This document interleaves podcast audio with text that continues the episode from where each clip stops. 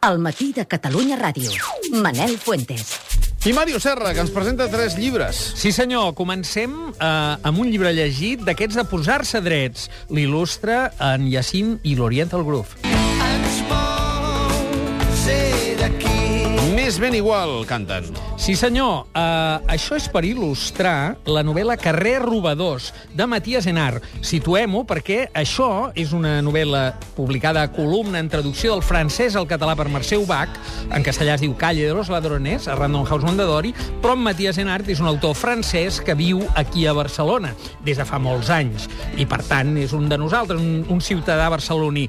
Uh, té ja un gran reconeixement a França uh, des de les seves últimes obres, algun cop n'hem recomanat d'aquí, però aquesta és especialment punyent. És la història d'un noi marroquí, fill de Tànger, que acaba migrant al Raval de Barcelona. És una història en la qual hi ha desarrelaments diversos. Primer de tot, eh, es desarrela de la seva família perquè l'enxampen eh, en posició íntima amb una cosina.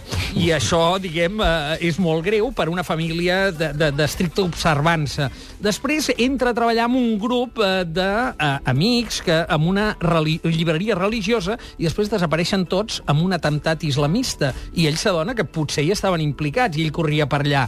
Aquest periple el porta a enrotllar-se, a tenir coneixença amb algunes eh, estudiants catalanes que corren per allà i això l'acaba instal·lant al carrer de Robadors. Des d'aquí, i sempre en una primera persona francament ben escrita, absolutament atractiva, molt documentada, perquè Matías Enart té un coneixement ampli dels sectors francòfons, diguem, del món musulmà, que viu per aquí, ens trobem al vell mig del 15M a Barcelona, ben a prop de la plaça Catalunya. Val a dir que en la versió eh, original es diu eh, Rue de Voleurs, però eh, la, la versió original hauria de ser la catalana, perquè tot passa a carrer Robadors. En castellà es diu La calle de los ladrones, perquè eh, senzillament han fet una traducció literal, no?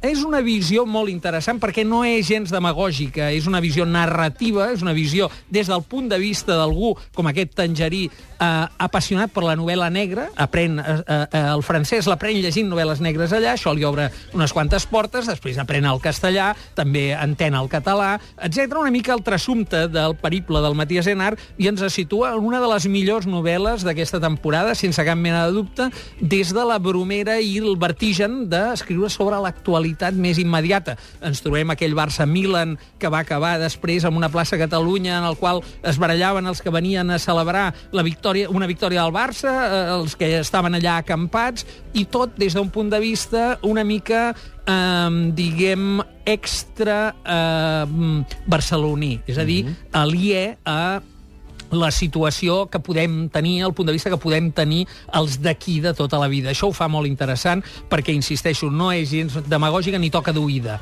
Carrer Robadors, una novel·la molt recomanable, Matías Enar, columna. Molts clau? Barcelona, però també 15M, però també Revolta, també Malestar, i per posar un exemple, Tahar Benjeloun o eh, Mahfouz.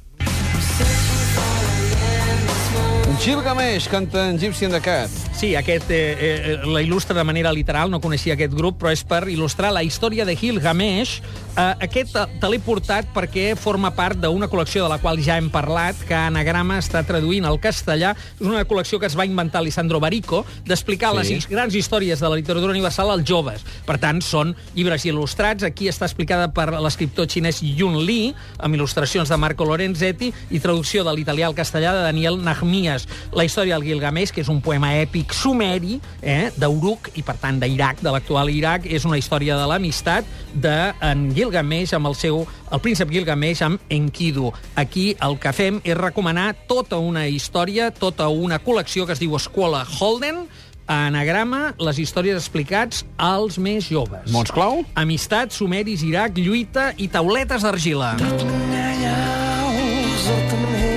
I ens anem a fullejat. eh, Sona ja de l'Ali de Yacine and the Oriental Groove. Tornem al Jacint, tornem a aquest eh, component que alguns oients potser recordaran de l'etapa de Chep Balovski, és aquest cantant fill de pare amasic i mare catalana, que té el seu actual projecte artístic, es diu Jacint and the Oriental Groove, i de l'últim disc il·lustra una anomalia joiosa. Uh, aquest llibre, aquest totxo que tenim aquí, Sí. dic fullejat perquè no me l'he pogut llegir sencer, Home, però... aquí que hi ha 900 planes. Aquí n'hi ha... Eh, Mil? No, 800. Aquí n'hi ha 800 planes ben atapeïdes, ben interessants. Jo m'he llegit les 200 primeres, però són 5 llibres en un. Es diu Som com moros dins la boira.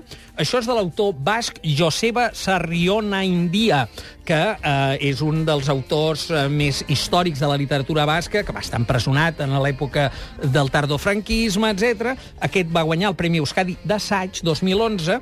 És una traducció de l'eusquera al català per, feta per Ainara Munt Oyanguren i editada per Polen Edicions, que és una editorial del que en podríem dir indi. És a dir, que hi ha hagut eh, treball de Verkami eh, perquè, per poder finançar aquesta eh, grandíssima traducció. És un, un monumental assaig. A mi el que més m'ha interessat, i la part que jo he llegit la primera, és una de les cinc eh, parts del llibre, que ve a ser la història del pare eh, Pedro Hilarión Sarrionandia, que és un ascendent, diguem, de, de l'autor, que va fer la primera gramàtica rifenya, és a dir, de la llengua amaziga. Mm -hmm. Aquest senyor eh, seguia eh, clarament eh, la- l'escola, diguem, jesuítica basca, del Lerchundi i companyia, que van ser els primers arabistes, però va anar més enllà i el que va fer va ser codificar la llengua minoritària del Magreb, és a dir, la màgiga, la llengua dels berbers, com se solia dir, que encara ara hi ha aquest debat, no?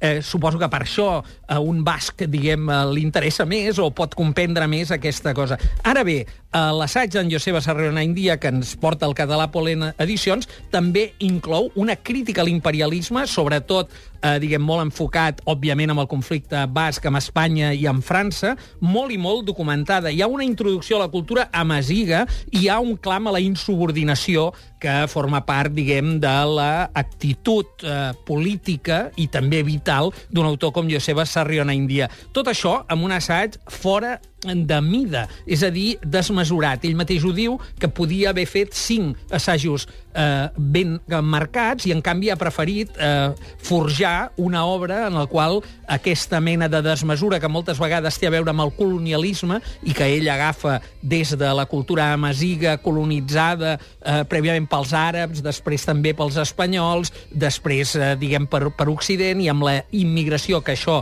la torna que això implica, fa preguntar-li som moros dins la boira? I aquesta pregunta, en realitat, ve d'un vers de Unamuno, Carai. que és algú ben poc eh, suspecte de poder, eh, de, de poder ser un basquista radical, com en Sarriona India, no? que en un poema, dels pocs poemes que feia Unamuno, que ell recull, es preguntava a los vascos ¿Somos moros en brumes? D'aquí aquest Som moros dins la boira, un assaig de gran pes i multi, eh, de, de, de múltiples interessos que, mm, juntament amb la carrera Robadors, avui ens porta gaire a fer, a fer un monogràfic dels que estan als marges i que probablement són els que tenen una projecció de futur més clara. Saps qui ens acompanya ara?